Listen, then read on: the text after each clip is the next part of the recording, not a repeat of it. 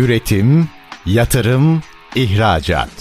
Üreten Türkiye'nin radyosu Endüstri Radyo sizin bulunduğunuz her yerde. Endüstri Radyo'yu arabada, bilgisayarda ve cep telefonunuzdan her yerde dinleyebilirsiniz. Endüstri Radyo.com Çetin Ünsal'ın hazırlayıp sunduğu Reel Piyasalar programı başlıyor.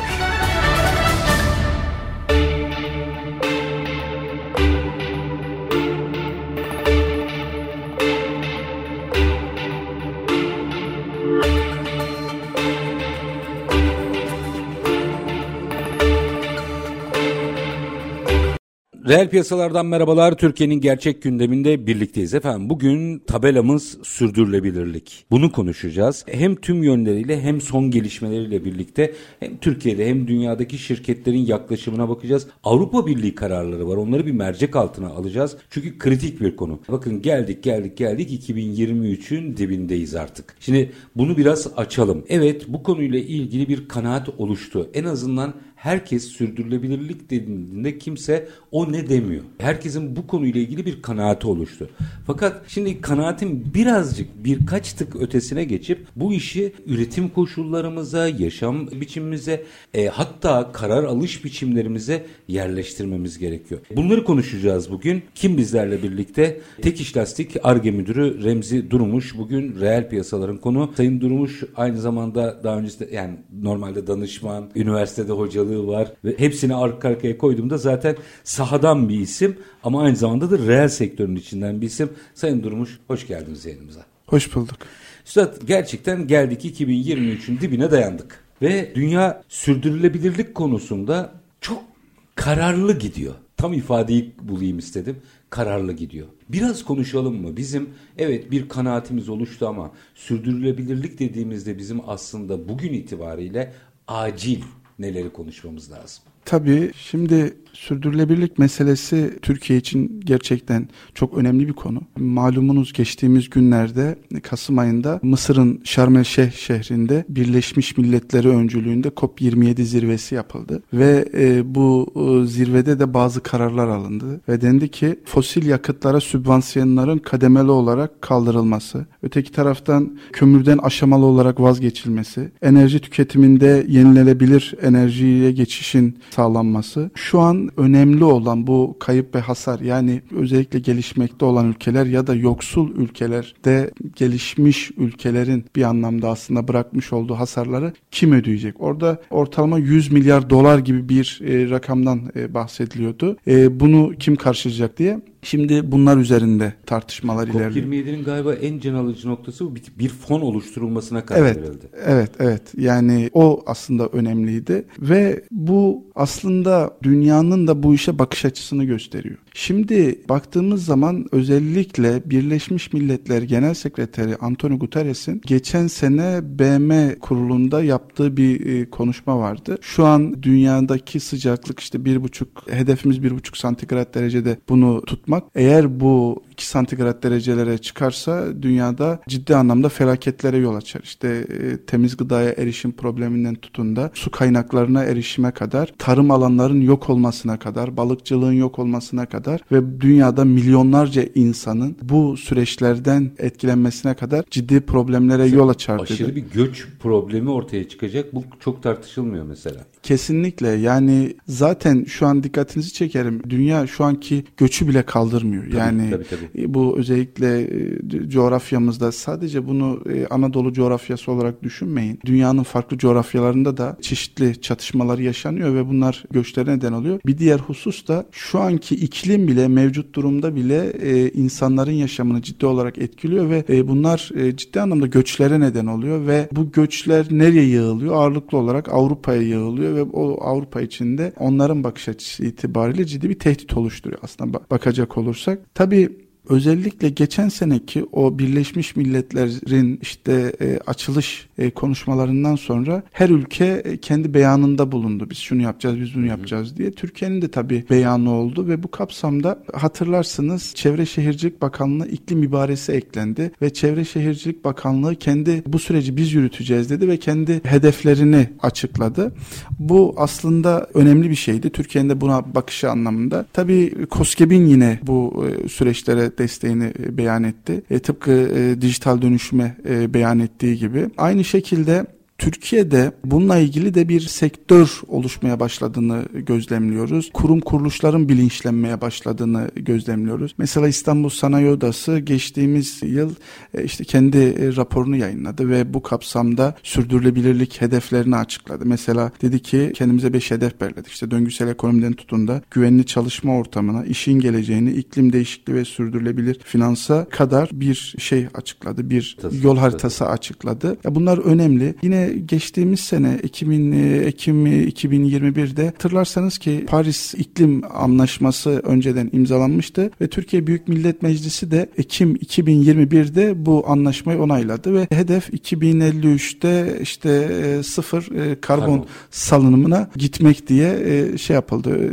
O anlaşmada öngörüldü. Tabii bunlar önemli şeyler. Diğer noktada da Kobiler de bu anlamda bilinçleniyor. Nasıl bilinçleniyor diyecek olursak mesela bizim e, şirket olarak da bir anlamda yaptığımız şeyler var, çalışmalar var. Mesela biz bizim gibi Türkiye'de e, 25 tane firma Ticaret Bakanlığı ve Türkiye e, İhracatçılar Meclisi'nin bir projesine dahil oldu. Bir URGE projesine dahil oldu. Buradaki hedef de sürdürülebilirlik projesi, sürdürülebilir tekstiller projesiydi. Buradaki hedef de işte şirketlerin sürdürülebilir hale gelmesi, yine karbon salınımını minimize etmesi hedeflerdendi. Durun oraya geçmeyin. Evet. Mesela o projenin biraz detaylarını açabilir misiniz? Yani mesela o 25 şirket ne yapacak? Tabii şimdi sürdürülebilirliğin e, üç aşaması vardır bilirsiniz. Birincisi sosyal gelişimdir, ikincisi ekonomik büyümedir. Efendime söyleyeyim, üçüncüsü de çevresel yönetimdir. Şimdi orada sizin tedarik zincirinden tutun da yani uçtan uca diyoruz. Sizin bulunduğunuz kobiye kadar orada karbon salınımının düşürülmesinden tutun da aldığınız ham maddelerin karbon salınımının düşürülmesine kadar. Yine personelin sosyal haklarının, özlük haklarının e, düzenlenmesine kadar. Çocuk işçi çalıştırılmamasına kadar. Efendime söyleyeyim yine atıklarınızın geri dönüştürülmesine kadar e, birçok e, şey var. Yine personelin iş güvenliğine kadar, pozitif ayrımcılığa, işte kadın işçi çalıştırmasına kadar birçok şeyi var bu süreçlerin boyutları var. Yani buradaki hedef şu. Yani üret, üretme demiyor ama gelecek nesillere daha kirlenmiş bir dünya bırakma. Yani üretiyorsun ama nasıl sorusunu soruyor. Evet yani bunu nasıl yapıyorsun? Yani senin üretiminden insanlık etkilenecek mi? Hayvanlar etkilenecek mi? Çevreye zarar verecek misin? Vermeyecek misin? Yani aslında bir anlamda size e, bunları sor. Yani şunu da soruyor. Yani etik bir üretim yapıyor musun? Şeffaf bir üretim yapıyor musun? Sürdürülebilir bir üretim yapıyor musun? Hesap verebilir bir üretim yapıyor musun? Evet para kazanıyorsun ama bunu nasıl kazanıyorsun? Şimdi bu kapsamda bu işte proje hayata geçirildi. 3 yıllık bir proje ve bu Türkiye'de ilk sürdürülebilirlik anlamında ilk e, proje olması Pilot uygulama gibi. Evet. Hı hı. Olması hasebiyle çok önemli. Biz de o 25 şirketten e, bir tanesiyiz. Çok e, verimli de geçiyor e, proje. E, bu kapsamda şirketin sürdürülebilirlik raporu oluşturuldu. Örneğin çevresel boyutu itibariyle, sosyal gelişim boyutu itibariyle, efendime söyleyeyim ekonomik büyüme itibariyle gibi gibi belli bileşenlerde sorular soruldu. İşte orada cevaplar alındı ve o rapor yapıldı, rapor hazırlandı ve biz de daha sonra onun analizini yaptık ve o kapsamda eksilerimiz, artılarımız neyse onları e, şey yapıyoruz. Zor tamam. mu? Yani bir COBİ'nin ilk aklına gelecek olan budur. Zor, meşakkatli ve pahalı mı? Üç soru. Şöyle söyleyeyim. Yani kere hani sizden hatırlarsanız dijital dönüşümü de e, önceden konuşmuştuk. Aslında sürdürülebilirlik de bir anlamda yeni bir iş yapma şekli. Yani kolay bir süreç diyemem ama ya şu da var. Bunu e, başarmak zorundayız. Çünkü bu işin etik boyutu var, insanlık boyutu var. Efendime söyleyeyim sosyal boyutu var, çevresel boyutu var. Yani bunu bir şekilde başarmak zorundayız. Bakın özellikle e, en basit basit bir örnek vermek gerekirse İstanbul'daki son birkaç senedeki ya son 5 yıl diyelim 5 yıldaki iklim değişikliğine bakın. Bu yaşadığınız iklimi 5 yıl önce yaşıyor muydunuz ya da 6 yıl önce yaşıyor muydunuz? Yani Dün hatta bir arkadaşla konuştuk. Bahar kalmadı. Yani ben e, baharları severim. Kıştan yaza, yazdan kışa. Şimdi bu şurada bunu bu açıdan açmanızı isteyeceğim Sayın Durmuş. Bakın bu Aa, evet ne yapalım baharları yaşamıyoruz. da- Bu koca bir üretim metodolojisini, sezonları vesaire. Yani işin insani tarafı iktisadi tarafını da etkiliyor. Kesinlikle.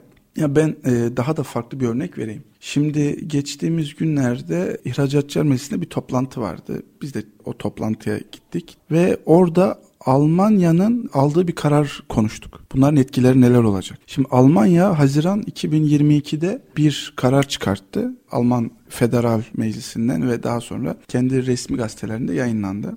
Ve buna göre dedi ki 1 Ocak 2023'ten itibaren bakın şurada aşağı yukarı 15-20 gün sonra. kadar. Evet. Sen ey Almanya'daki şirket minimum 3000 kişi çalıştırıyorsan kendi e, firmanda o zaman sürdürülebilirlik kurallarına riayet edeceksin. Büyüklerden başlıyorlar. Aynen öyle. Şimdi bu daha başlangıç. Birazdan 2024'e geleceğim. Durun üstad bunu biraz açalım. Bu yarım kalacak bir şey değil. Bir araya gideyim müsaade edin. Aranın ardından şimdi 1 Ocak 2023'ten itibaren diyerek başlıyor.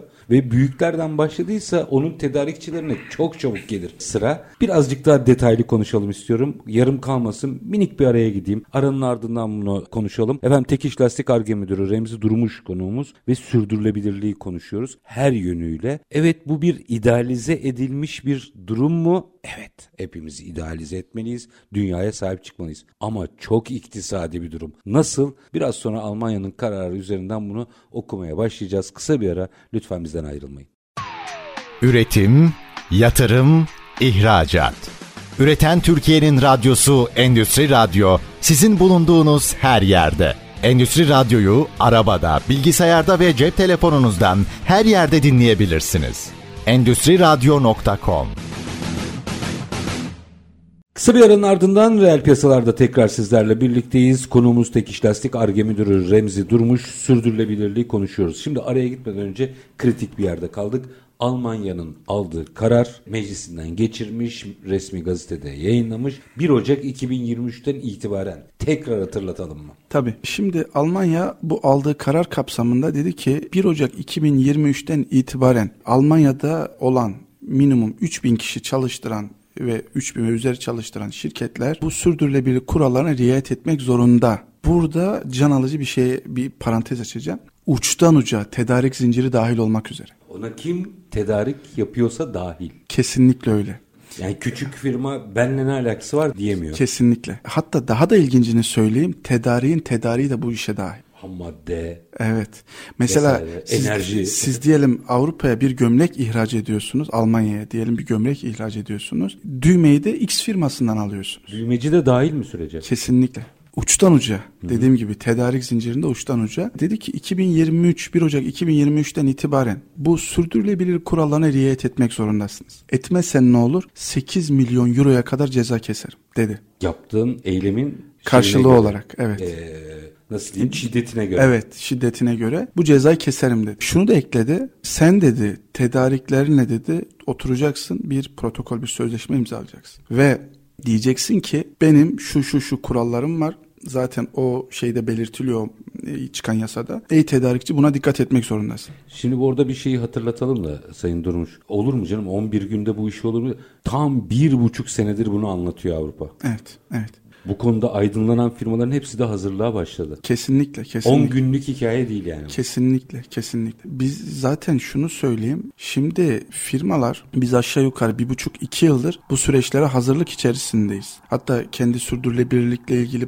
politikalarımızı oluşturduk. Yine bunları e, sayfamızda beyan ettik. İşte bu az önce bahsettiğim Urge projesi kapsamında eksiklerimiz nelerse onların üzerine gitmeye başladık ve o çalışmaları hayata geçirdik. Bunu tedarikçilerimizle de yurt dışındaki temsilcilerimizle de paylaştık ve her yıl kendi içerimizde rapor oluşturmaya başladık. Yani aşama son dakika golü değil bu. Değil. Hani en azından bizler için, bir firma için, şirket için değil. Biz bunları yapmaya başladık ve gelen müşterilerimizde de yaptığımız çalışma özellikle Avrupa'dan bahsediyorum. Müşterimize bunu anlattığımız zaman çok mutlu oldular. İşte aradığımız şey diye. Çünkü onların da şeyleri, tüketicileri bunu istiyor. Evet. Yani sen bana bu gömleği giydiriyorsun ya da bu elbiseyi giydiriyorsun ya da bu yiyeceği yediriyorsun ama yani bu nasıl üretiliyor? Şimdi tabii meseleye madalyona tersten baktığınızda da hazırlığını yapan içinde çok büyük bir iş hacmi var. Kesinlikle. Zaten size ne dedim hatırlarsanız az önce sürdürülebilirliğin adımlarını ayaklarını sayarken bir tanesi de ekonomik büyüme az önce ifade ettim. Yani eğer dediğiniz gibi siz bu sürece hazırsanız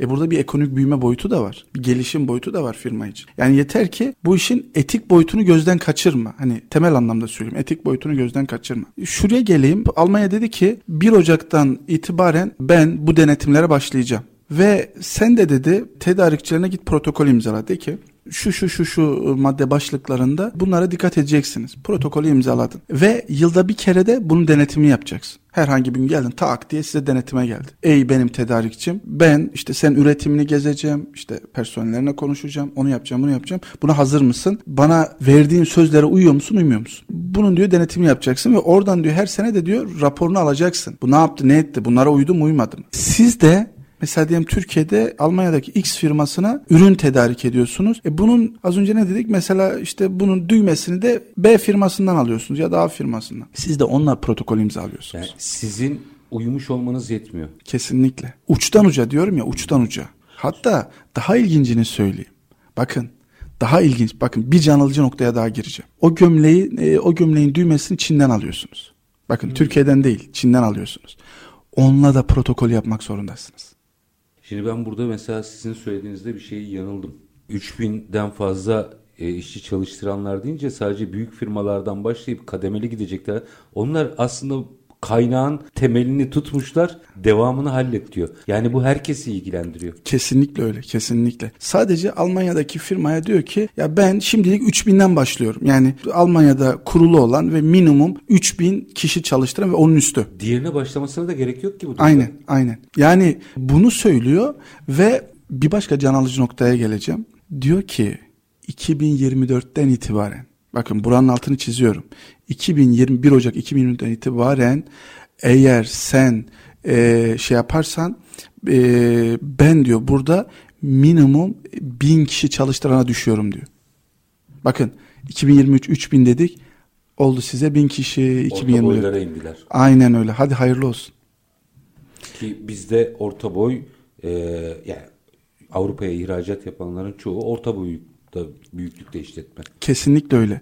Ee, Türkiye'nin ortalama diyelim şu anki ihracat kapasitesini e, 250 milyar dolar olarak e, alırsak bizim ihracatımızın %50'si Avrupa'ya. Bakın %50'si Avrupa'ya ve büyük çoğunluğu da Almanya'dır yani. Avrupa'ya. Siz bu 250 milyar doların 125 milyar dolarını çöpe atın. Türkiye'nin milli geliri gayri safi milli hasılası düştü. Şey tolere edilebilecek bir şey değil şu an. Değil, kesinlikle değil. Bakın şu an kobilerimizin çoğu bunun farkında değil maalesef ki. Ama şu an ciddi anlamda bu risklerle kobilerimiz karşı karşıya ve Avrupa ciddi anlamda bunları istiyor. Ben daha ilginç bir şey söyleyeyim. Bu Avrupa Yeşil Mutabakatı kapsamında 2025 itibariyle bu sayılar daha da düşecek. Yani daha da ciddi şeyler gelecek, yaptırımlar gelecek. Ki mesela Avrupa ne diyor? 2025 itibariyle bana ihracat mı yapacaksın? Bakın Almanya'yı da bir kenara koydum. Şimdi Almanya'nın o kuralını geçtim. Diyor ki Avrupa Yeşil Mutabakat kapsamında bana ihracat yapacaksın diyor. E, Okey güzel. O zaman diyor senin şirketin sürdürülebilir olmak zorunda diyor. Ve bunları da belgelerle kanıtlamak zorundasın diyor. Ha sürdürülebilir değilsen diyor ben diyor sana diyor gümrükte diyor ekstradan vergi uygulayacağım diyor. Rekabet edemeyeceksin. Diyor. Aynen. Ne oldu rekabet şansınız? Bitti. Hayır, zaten bence o aşamaya gelmez anlattığınız kadarıyla. Yani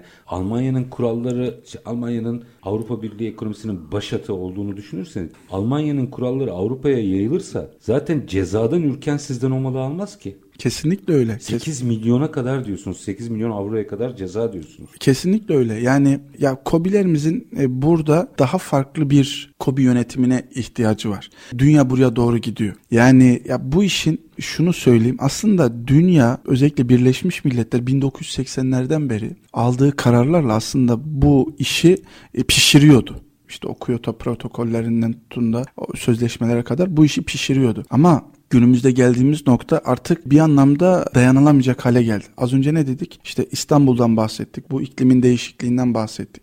Yazın ortasında en basit örneği oluşan seller, işte maalesef ki insan kayıpları, ekonomiye yine oluşan evet. hasar vesaire. Bu sadece Türkiye'de değil. Dünyanın her yerinde böyle. Yani onun için ciddi anlamda şu aşamada gerek Birleşmiş Milletler olsun gerek Avrupa Birliği olsun bu işin üstüne gidiyor ve kobilerimizin de buna kendisini hazırlaması lazım. Onu nasılını da açacağım ama mesela orada eğilimi doğru okuyabilmek adına birkaç detay daha açmak isterim. Yani e, şimdi lazım deyip geçmeyelim. Evet. Onun yolunu yordamını da anlatalım. Ama mesela akademi dünyasının da bu işe konsantre olduğunu görüyorum. Hı hı. Mesela yine sohbetimiz arasında sizin ifade ettiğiniz artık bir doktora tezi aşaması tartışılıyor. Sürdürülebilirlikle ilgili fakültelerde bölüm tartışılıyor. Yani sizin yine e, bir üniversite çalıştığınız üniversitesi önerilerinizden biri. Şimdi iş bu noktaya doğru gitti galiba. Orayı da biraz e, bilgi verir, verir misiniz orayı? Kesinlikle. Şimdi dünyada sadece benim araştırma ve gözlemlerimle şunu gördüm dünyada ortalama yüzden fazla üniversitede sürdürülebilirlikle ilgili bölüm var. Hatta Hawaii'de doktora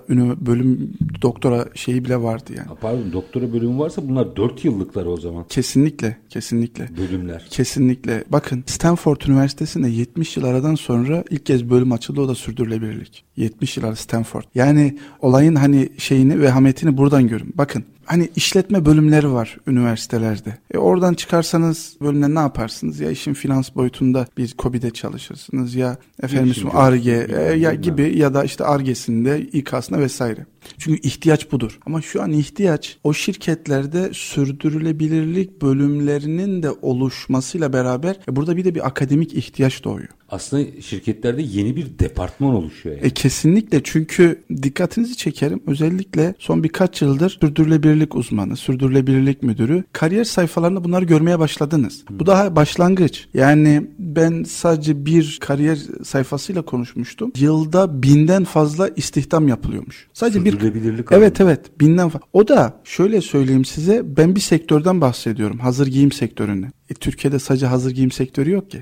Şimdi böyle bir şey geliyor, dünya geliyor. Bu tabii tersten baktığınızda da herkesin aslında bir şekilde fark ettiğini ve çalışma, hazırlanmaya çalıştığını gösteriyor. Bu iyi bir şey. E, kesinlikle, kesinlikle. E şimdi işin e, akademi boyutunda birkaç kelimeyle şunu da vurgulayayım. Şimdi üniversitede e, doktora seviyesine konuştuğumuz zaman özellikle oradaki doçent, profesör hocalarımızın da bu işe doktora tezi sürdürülebilirlikle yazılması için teşvik ettiğini öğrencilerin görünce mutlu oldum. Çünkü özellikle öğrenci seviyesinde de bu farkındalık yaratılmaya çalışılıyor şu an akademi camiasında. Bu da sevindirici bir şey. Çünkü akademiler sanayinin dinamikleridir. Yani akademi olmadan zincirin halkasının birisi boş kalır. O zincir dönmez. Çünkü akademiler bir anlamda şey için vardır. Sektör için vardır. Yani bunlar birbirini sürekli tetikledikçe gelişirler, ülke ekonomisi büyür. Yani şu anlamda da yani kendi alanına göre hocaların sürdürülebilirliğin bir tarafından tutup onunla ilgili tezler yazdırmaya çok istekli olduklarını gördüm. Çok bu aslında sevindirici. Öğrencilerde de böyle bir şey oluşmaya başladı. Bakış açısı oluşmaya başladı. Bunlar sevindirici. Bunları göreceksiniz. Yani birkaç yıl içerisinde e, hem akademik düzlemde hem kobiler düzleminde daha da bakış açısının artmaya başladığını göreceğiz. Özellikle bu yaptırımların hani e, kobiler itibariyle Avrupa'dan bu yaptırımların gelmesiyle birlikte. Kobi bu işe nasıl hazırlanmalıyı da konuşmak istiyorum ama şimdi iki dakikada şunun yanıtını alayım öyle gideyim. Aslında müthiş bir başlık. Yeni girişimlerde artık sürdürülebilirlik şirketleri göreceğiz demektir. Kesinlikle. Yeni yazılımların konusu bu olacak demektir. Yeni arge çalışmaları burada konsantre olacak demektir gibi gibi gibi. Aslında işin bu boyutlarında da ders çalışmamız gerekmiyor mu? Kesinlikle. Yani aslında ekonomisi doğacak yani. Kesinlikle ve bu büyük bir ekonomi olacak. Yani şirketlerimizin bu pazarı fark etmeleri lazım. Yani hep risklerinden bahsediyoruz ama orada potansiyel de var. Kesinlikle. Şimdi yani tabii ya risklerinden biraz daha kobilerimizi farkındalık yaratması için yani ya böyle bir ciddi bir şey vardı. Ama dediğiniz gibi burada ciddi anlamda büyük bir pazar var. Şimdi örnek vereyim danışmanlık şirketleri şu an ciddi anlamda artmaya başladı. Sürdürülebilirlikle ilgili mesela geliyorlar. Sizin firmanız ne kadar sürdürülebilir bunun analizini yapıyorlar. Sürdürülebilirlikle ilgili dernekler oluşmaya başladı sivil toplum kuruluşları. Ee, ve o sivil toplum kuruluşları da şirketinizin oluşturulmuş olduğu raporları analiz ediyorlar, denetliyorlar. Ne yapılması lazım? Yani ya da bunun eksikleri nelerdir ya da bu oluşturulmuş rapor ne kadar sağlıklıdır? Bunların e, şeylerini yapıyorlar, denetimlerini yapıyorlar. Yani aslında adım adım adım herkes buraya hazırlanıyor. Sadece anladığım kadarıyla 1 Ocak 2023'ten itibaren e, nüfuz alanımız Avrupa olduğu için ticarette biz çok daha fazla hissedeceğiz. Bir detay daha e, bir cümle onunla ilgili de almak isterim. Ben de Avrupa'ya ihracat yapmam. Ama Türkiye Avrupa Birliği nüfuz alanında o standartlarda gelip iç piyasamda da uygula diyecekler galiba bunu. E tabi zaten az önce Almanya'nın kararını söyledik. Yani illa devletin gelmesi değil. Yani orada sonuçta sizin ihracat yaptığınız KOBİ sizden bunu isteyecek. Yani o protokolü yapacak. Buna uymak zorundasın diyecek. Ki Avrupa'daki bakın şurada dikkatini çekmek istiyorum. Hani isim vermeyeyim ama bazı büyük giyim firmaları Avrupa'daki Türkiye'den belli şartlar sürdürülebilirlikle ilgili istiyordu. Çok ciddi şartları bizim fason üretim yapan firmalarımız çok zorlanıyordu onlara üretim yapmaya ama bir şekilde şey yapıyorlardı, onu yürütüyorlardı, onu sağlıyorlardı. E şimdi baktığımız zaman artık zorunlu olarak sadece o firmalar değil, bütün firmalara, o ülkelere yani Avrupa ülkelerine ihracat yapan bütün firmalardan bunu isteyecekler. Yani artık bu bir hayat memat meselesi. Kesinlikle öyle. Vaziyette. Kesinlikle. Şimdi minik bir araya gidelim. Arının ardından o danışman e, vasfınızda işim şu boyutunu konuşmak isterim. E tamam ben dinledim de ne yapmam lazım? Biraz yol haritasını da konuşalım. Yani bir komik nasıl dönüşür bu işe onu da konuşalım. Ama minik bir aranın ardından Tek İş Lastik Arge Müdürü Remzi Durmuş'la sohbetimiz devam edecek. Lütfen bizden ayrılmayın. Üretim, yatırım, ihracat. Üreten Türkiye'nin radyosu Endüstri Radyo sizin bulunduğunuz her yerde. Endüstri Radyo'yu arabada, bilgisayarda ve cep telefonunuzdan her yerde dinleyebilirsiniz. Endüstri Radyo.com Kısa bir aranın ardından reel piyasalarda tekrar sizlerle birlikteyiz. Konuğumuz Tek İş Lastik Arge Müdürü Remzi Durmuş. Şimdi sürdürülebilirlik konuşuyoruz. Evet önemli bir konu. Yani yıllar içerisinde küresel ısınmadan uluslararası terminolojide iklim krizine kadar gelmiş. Bir tarafıyla yaptırımları getirecek, hazır olanlar için de büyük bir ekonomi potansiyeli ortaya çıkaracak bir yapıdan bahsediyoruz. Yani bu bir e, romantik bir yolculuk değil. Çok iktisadi bir yolculuk. İşin tabii ki insani boyutları var veya dünyaya olan sorumluluk boyutları var ama iş iktisadi bir boyutta. Ve Sayın Durum şimdi araya gitmeden önce Almanya örneğinden yola çıkarak Avrupa'nın yaptırımlarının nasıl adım adım geleceğini söylediniz. Şimdi ben Remzi Durmuş'u dinleyen bir kobi olsam evet tamam şeyi anladım. Yani bir tehlike geliyor. Bunu anladım. Ee, bir buçuk senedir anlatıyorlardı bana ama gördüm ki evet son 10 gün yani bu meclisten de geçtiyse Almanya'da adım adım bu önüme gelecek. Tamam konu kapandı. Değil. Ben ne yapacağım? Hadi bize aşama aşama bu yolculuğa çıkarın. Tabii şimdi Kobilerimiz bu süreçleri yani tamam ben bu işe başlayacağım gerçekten dediği zaman yani sürdürülebilir bir firma olacağım. Bununla ilgili danışmanlık firmaları var. Onları araştırdıkları zaman e, görürler ya da bununla ilgili sivil toplum kuruluşları var bu hizmetleri de sağlayan. KOSGEB'e başvursunlar. E, evet ya onun da şey var desteği var. Bu destekleri şey yapmak için almak için buralara şey yapabilirler. E, müracaat edebilirler. Onlar gelip şirketin mevcut bir fotoğrafını çekerler. Yani çevresel yönetimde neredesin, e, sosyal haklarda neredesin, efendime söyleyeyim atık yönetiminde neredesin gibi gibi onun alt başlıkları var. Orada gelip sizin bir fotoğrafınızı çekerler. Ondan sonra e, sizin yol haritanız ortaya çıkar. Yani dakika bir gol bir. Ben bir kere ne durumdayım sorusunun yanıtını bulmak zorundayım. Yapılacak kesinlikle, iş bu. Kesinlikle öyle. Yani şey gibi düşünün daha amiyane tabirle hastayım diyorsunuz ama hastanıza tam teşhisin koyulması için doktora gidiyorsunuz. Doktor da diyor ki işte tetkiklerden sonra senin şu şu şu şu hastalıkların var ve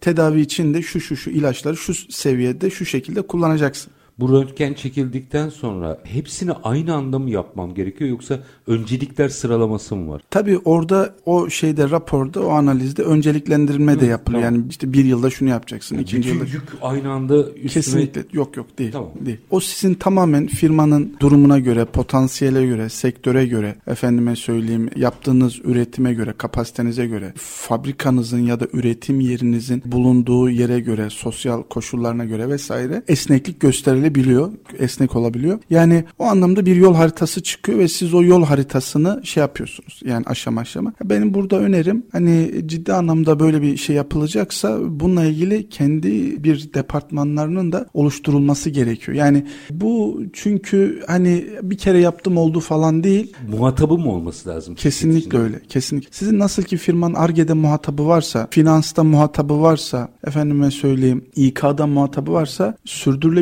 sürdürülebilirlikte de bir muhatabın olması lazım. Çünkü hani bu sadece sabahtan akşama işte ben bunu yaptım oldu değil. Bu sürekli bir bisikletin zinciri gibi sürekli takip edecek, takip edilmesi gereken, raporlanması gereken efendime söyleyeyim ve bunu da tedariğine, e, yurt dışındaki müşterilerine bildirmesi gereken bir şey aslında bir süreç. Bu regülasyonlar sabit değil anladığım kadarıyla. Sürekli gelişmeye aday. Yani bugün sağladığınız bir kriter yarın öbür gün artık kriterler bu denilebilir. Kesinlikle öyle ve her yıl kendi sürdürülebilirlik raporunuzu yayınlıyorsunuz ve o sürdürülebilirlik raporunda da yani sürekli yeni şeyler koymanız lazım. Yani örnek vermek gerekirse ben bu sene enerji verimliliğinde şunu sağladım dediğiniz zaman ya bir sene bir sonraki sene daha böyle can alıcı şeyler koymanız lazım o raporunuza. Ya da iyileştirme koymuş. olur. Evet kesinlikle ve şunu da beyan edeyim orada vurguladığınız şeylerin sanal şeyler olmaması lazım reel şeyler gerçekçi şeyler olması lazım çünkü herkes 3 aşağı 5 yukarı özellikle bu dijital çağda kimin ne yaptığını biliyor eğer sizin müşterileriniz bu yazdığınız şeylerle uygulamalar arasında tutarlılık olmadığını görürse o zaman güvenilirliğinizi yitirirsiniz. Bir diğer husus da şu.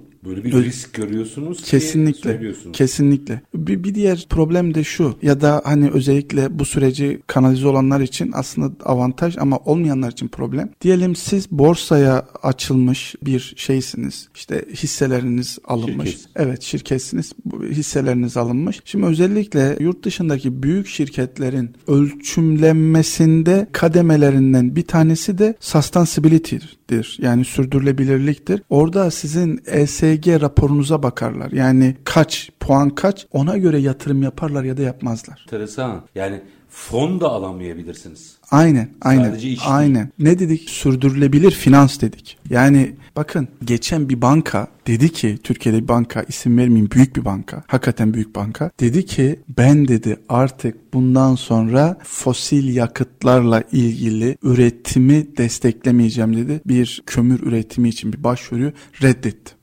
Aynen reddet. Kredi başvurusunu reddetti. Bu Avrupa'da daha da yaygınlaşıyor. Göreceksiniz. Özellikle bakın bunun altını çiziyorum. Büyük çizgiyle çiziyorum. Yarın şimdi bankalar nereden fon alıyorlar? Büyük oranda yurt dışından fon alıyorlar. O fonu size sağlıyor kobi olarak. Günün sonunda sendikasyon oluyor. Aynen öyle. O yurt dışındaki yatırımcılar da diyecek ki ben ben sana bunu veriyorum ama fosil yakıtlı şeylere, kobilere bu desteği sağlamayacaksın. Ne yapacaksınız? Ya da enerji verimsiz. Vesaire. Aynen, aynen. Ne yapacaksınız? Yapacak bir şey yok. Yani çok paranız varsa devam ederseniz müşteri bulursanız. E, Kesinlikle öyle. Bir müşteri bulma ya. İş üretmekle de bitmiyor. Müşteri bulmanız lazım. Kesinlikle yani ve o işin bir diğer hani sıkıntılı boyutu da dediğiniz gibi müşteri. Hani diyelim kendi imkanlarınızı ürettiniz. Müşteri bulamayacaksınız yurt dışında. Yani hani bunu özellikle yurt dışından kastım Avrupa Birliği. Çünkü ihracatımızın %50 sonrası. Ya oradan vazgeçeceksiniz ya da oradaki sistemi analiz edip ona kanalize olacaksınız. Avrupa Birliği tabii şimdi ön alıyor. Onun altını çizelim. Ön alıyor ama COP27 Av- Avrupa Birliği'nden ibaret değil. Bizim bassızlığımız Avrupa'nın en büyük müşterimiz olması. Bizi o yüzden çok yakından kısa vadede ilgilendiriyor. Yarın öbür gün Amerika pazarında da karşımıza çıkacak. Afrika pazarında da karşımıza çıkacak bu. E, Zaten bu süreçlerinden bir tanesi de özellikle Amerika'da Biden'ın iktidara gelmesinden sonra biliyorsunuz Trump bunları çok önemsemiyordu ama Biden'ın iktidara gelmesinden sonra dedi ki biz dedi bu iklim değişikliğiyle ilgili önceden verdiğimiz sözlerin arkasındayız. Gereği neyse biz de yapacağız denildi. Yani Gerçi bu arada bir dakika onun altını çizelim. Trump önemsemiyor önemsemiyordu ama sürdürülebilirlikle ilgili çalışmalar Amerika Birleşik Devletleri'nde hiç durmadı. Kesinlikle ya Kobiler Sadece seviyesinde. Trump önemsemiyor. Evet. Kobiler seviyesinde e, bunlar şey yapmadı, durmadı. Ama hani özellikle tabi burada siyasi iradenin desteği çok önemli. Şüphesiz. Özellikle Biden'ın iktidarından sonra bu süreçler Amerika'da biraz daha hızlandı. Yani şunu söyleyeyim. Eğer kobi olarak bu süreçleri iyi analiz edemezseniz inanın şey bulamayacaksınız. Müşteri bulamayacaksınız. Durmuş geçenlerde bir maile haber geldi. Çin konuşuyor bunları. Yani bakın Avrupa Birliği, Amerika falan Çin konuşuyor. Sürdürülebilir ekonomiler yaratmayı. Çünkü buradaki hacmi de herkes görüyor. Yani tersten bu kadar riskin yanında büyük bir fırsat da var. Uyanlar büyük bir potansiyel yakalayacak. Kesinlikle öyle. Az önce dediğim gibi hani ekonomik büyüme yani bu işin ciddi bir şeyi de var. Boyutu da var. Mesela diyelim siz bir ürün ürettiniz. Hani bir boyutuyla söyleyeyim. Ürettiğiniz ürün karbon salınımı düşürülmüş. Onu ne yapıyorsunuz? Beyan ediyorsunuz. Bakın bu ürün sürdürülebilirdir işte şu kadar karbon salınımı düşürülmüştür. Ya da bir gömlek ürettiniz. Bakın dünyayı üzülerek söylüyorum en çok kirleten petrolden sonra hazır giyimdir. Doğru. Onlar da kabul ediyor zaten hazır çocuk. Siz bir gömlek giydiğiniz zaman, pamuklu bir gömlek giydiğiniz zaman o tonlarca su kullanılmıştır. Yani o üstünüzdeki hazır o gömlek kullandığınız gömleğin sizin üstünüze giyinceye kadar ki o süreci, o yolculuğu, hikayesi tonlarca su kullanılarak üstünüze giymeye hazır hale gelmiştir. Sektör bunun o kadar farkında ki bu konuda ders çalışıyor. Yani o kadar farkındalar. Tedarikçilerde problem var. Mesela ben ana firmaların birçoğunun bu konuyla ilgili üretim yaptırırken artık hani eski kumaşlardan yararlanmaktan tutun birçok sürdürülebilir hareket yaptığını görüyorum. Ama fason atölye, konfeksiyon atölyelerinde durumda ona bakmamız lazım. Kesinlikle. Şimdi ya şöyle diyeyim. Yarın o konfeksiyon atölyelerine ya bizim şartımız bu. Uyuyabiliyor musun, uyuyamıyor musun? Dendiği zaman ya iş yapacak ya yapmayacak. Öte yandan o ana sanayici için de büyük bir tedarik sorunu bu. Kesinlikle öyle. Yani yani ya şeye uyacaksınız kurallara ya da uymayacaksınız. Maalesef ki yürümeyecek. Ama sonuçta burada bir şey var ki süreç. Yani böyle bir istek var. Bu işin Türkiye'nin de desteklediği bir şey. Bakın alınan kararlara bakın Türkiye'nin de destekledi. İrade koydu zaten bu konuyla ilgili. Yani zaten yani çok şansınız da yok zaten tersine. Yapacak bir şey de yok yani hani çünkü bugün bakın bunu göreceksiniz. Yani bu karbonla ilgili vergi de çıkacak. Bunu göreceksiniz yani. Firmaların salgıladığı karbonla ilgili vergi de çıkacak ki bununla ilgili Avrupa'da şeyler var, ciddi çalışmalar var. Hani bu e, karbon vergisi anlamında e, mesela hatta bu yeni bir iş kolu da şey yapıyor, doğuruyor. Karbon borsası. Evet, karbon borsası ve karbon bakın altını bu cümlenin altını çiziyorum. Karbon sertifikası. Bu arada iki dakika var. Şunu da altını çizersek sevinirim. Ya 10 günde ben bunları nasıl yapayım? Yolculuğa başlamak bile alım yapacak noktanın size toleranslı davranmasını sağlayacak bir süreçteyiz. Ama bu sene. Kesinlikle. Bir sene sonra değil. Değil kesinlikle. Ya şöyle söyleyeyim. Biz işletmelerle ilgili akademik olarak bir piramit oluşturduğumuz zaman piramidin en üstüne vizyonu koyarız. İşletme yönetimlerinin en üstüne vizyonu koyarız. Çünkü işletmeler insanlar değil vizyonlar yönetir. Yani bir işletme büyüyorsa ya da bir işletme büyümüyorsa o alınan kararların şeyi vardır, etkisi vardır. Çünkü hani gemiyi kaptan yönetir ve nereye gideceğine de kaptan karar verir ve geminin diğer bileşenleri de o yöne doğru gider. O nedenle özellikle işletmelerin yönetim kurullarının, genel müdürlerinin hakikaten ortaya bir vizyon koyması evet ben benim kararım budur ve biz bu sürecin içerisinde olacağız denmesi lazım. Ha bu yani bugünden yarına işletmeler değişmesi kolay olmaz. Ama siz bir vizyon ortaya koyup kendi çalışanlarınızı, çalışanlarınıza ve tedarikçilerinize uçtan uca bakın bunu sürekli vurguluyorum uçtan uca tedarikçilerinize arkadaşlar bizim ürün tedariğimiz bundan sonra politikalarımız bunlar bunlar bunlardır biz böyle tedarik edeceğiz dediğiniz zaman bunlara uyabiliyor musunuz, uyamıyor musunuz? Dediğiniz zaman sürecin içerisine zaten girmiş oluyorsunuz ve o sizin tedarikçileriniz de ya sizden vazgeçecek. Çünkü o tedarikçilerden yarın başkaları da aynı şekilde onu isteyecek. Ya sizden vazgeçecek ya da ona uymak zorunda kalacak. Anadolu tabiriyle pabuç bağlı. Kesinlikle öyle. Yani ya benim hani e, son birkaç cümle söyleyecek olursak yani önümüzde fırsat olarak da değerlendirebilirsiniz eğer gerçekten bu sürecin içerisine girecekseniz Yani e, önemsemiyorsanız ciddi bir tehdit aslında kobilerimizi ciddi anlamda bekliyor. E, bu bağlamda bakacak olursak kobilerimizin bu sürece çok ciddi anlamda hazırlanması gerektiğini söyleyebilirim. Aksi takdirde hani dedim ya 250 milyar dolarlık bir kapasite ihracat kapasitemizin olduğunu ortalama varsayarsak ya bunun 125'inden vazgeçeceğiz ya da evet biz de bu sürecin içerisindeyiz ya da Avrupa'ya hiç satmıyoruz diyeceğiz yani. İş orada da bitmez. E, Kesinlikle. Çünkü biz Avrupa Birliği üyelik sürecinde bir ülkeyiz. Otomatikman iç pazarında da bunu uygula zorunluluğu gelecektir. Kesinlikle. Tek İş Lastik Arge Müdürü Remzi Durmuş çok teşekkür ediyorum. Sürdürülebilirliği konuştuk ama sürdürülebilirliği çok hayata dair konuştuk. O yüzden teşekkür ediyorum. Ben teşekkür ediyorum. Var olun. Efendim biz bugün reel piyasalarda sürdürülebilirliği konuştuk. Durum ciddi. Şöyle ciddi. Gereğini yaparsanız iyi bir potansiyel var. Yapmazsanız hayat memat meselesine dönmüş vaziyette. Sayın Durmuş'a sordum. Ne yapacağız yani? Nereden başlayacağız? Röntgeninizi çektirin. Röntgeninizi çektirin ve nereden başlayacağınıza karar verin. Biz her zamanki gibi bitirelim. Şartlar ne olursa olsun paranızı ticarete, üretime yatırmaktan, işinizi layıkıyla yapmaktan ama en önemlisi vatandaş olup hakkınızı aramaktan vazgeçmeyin. Hoşçakalın efendim.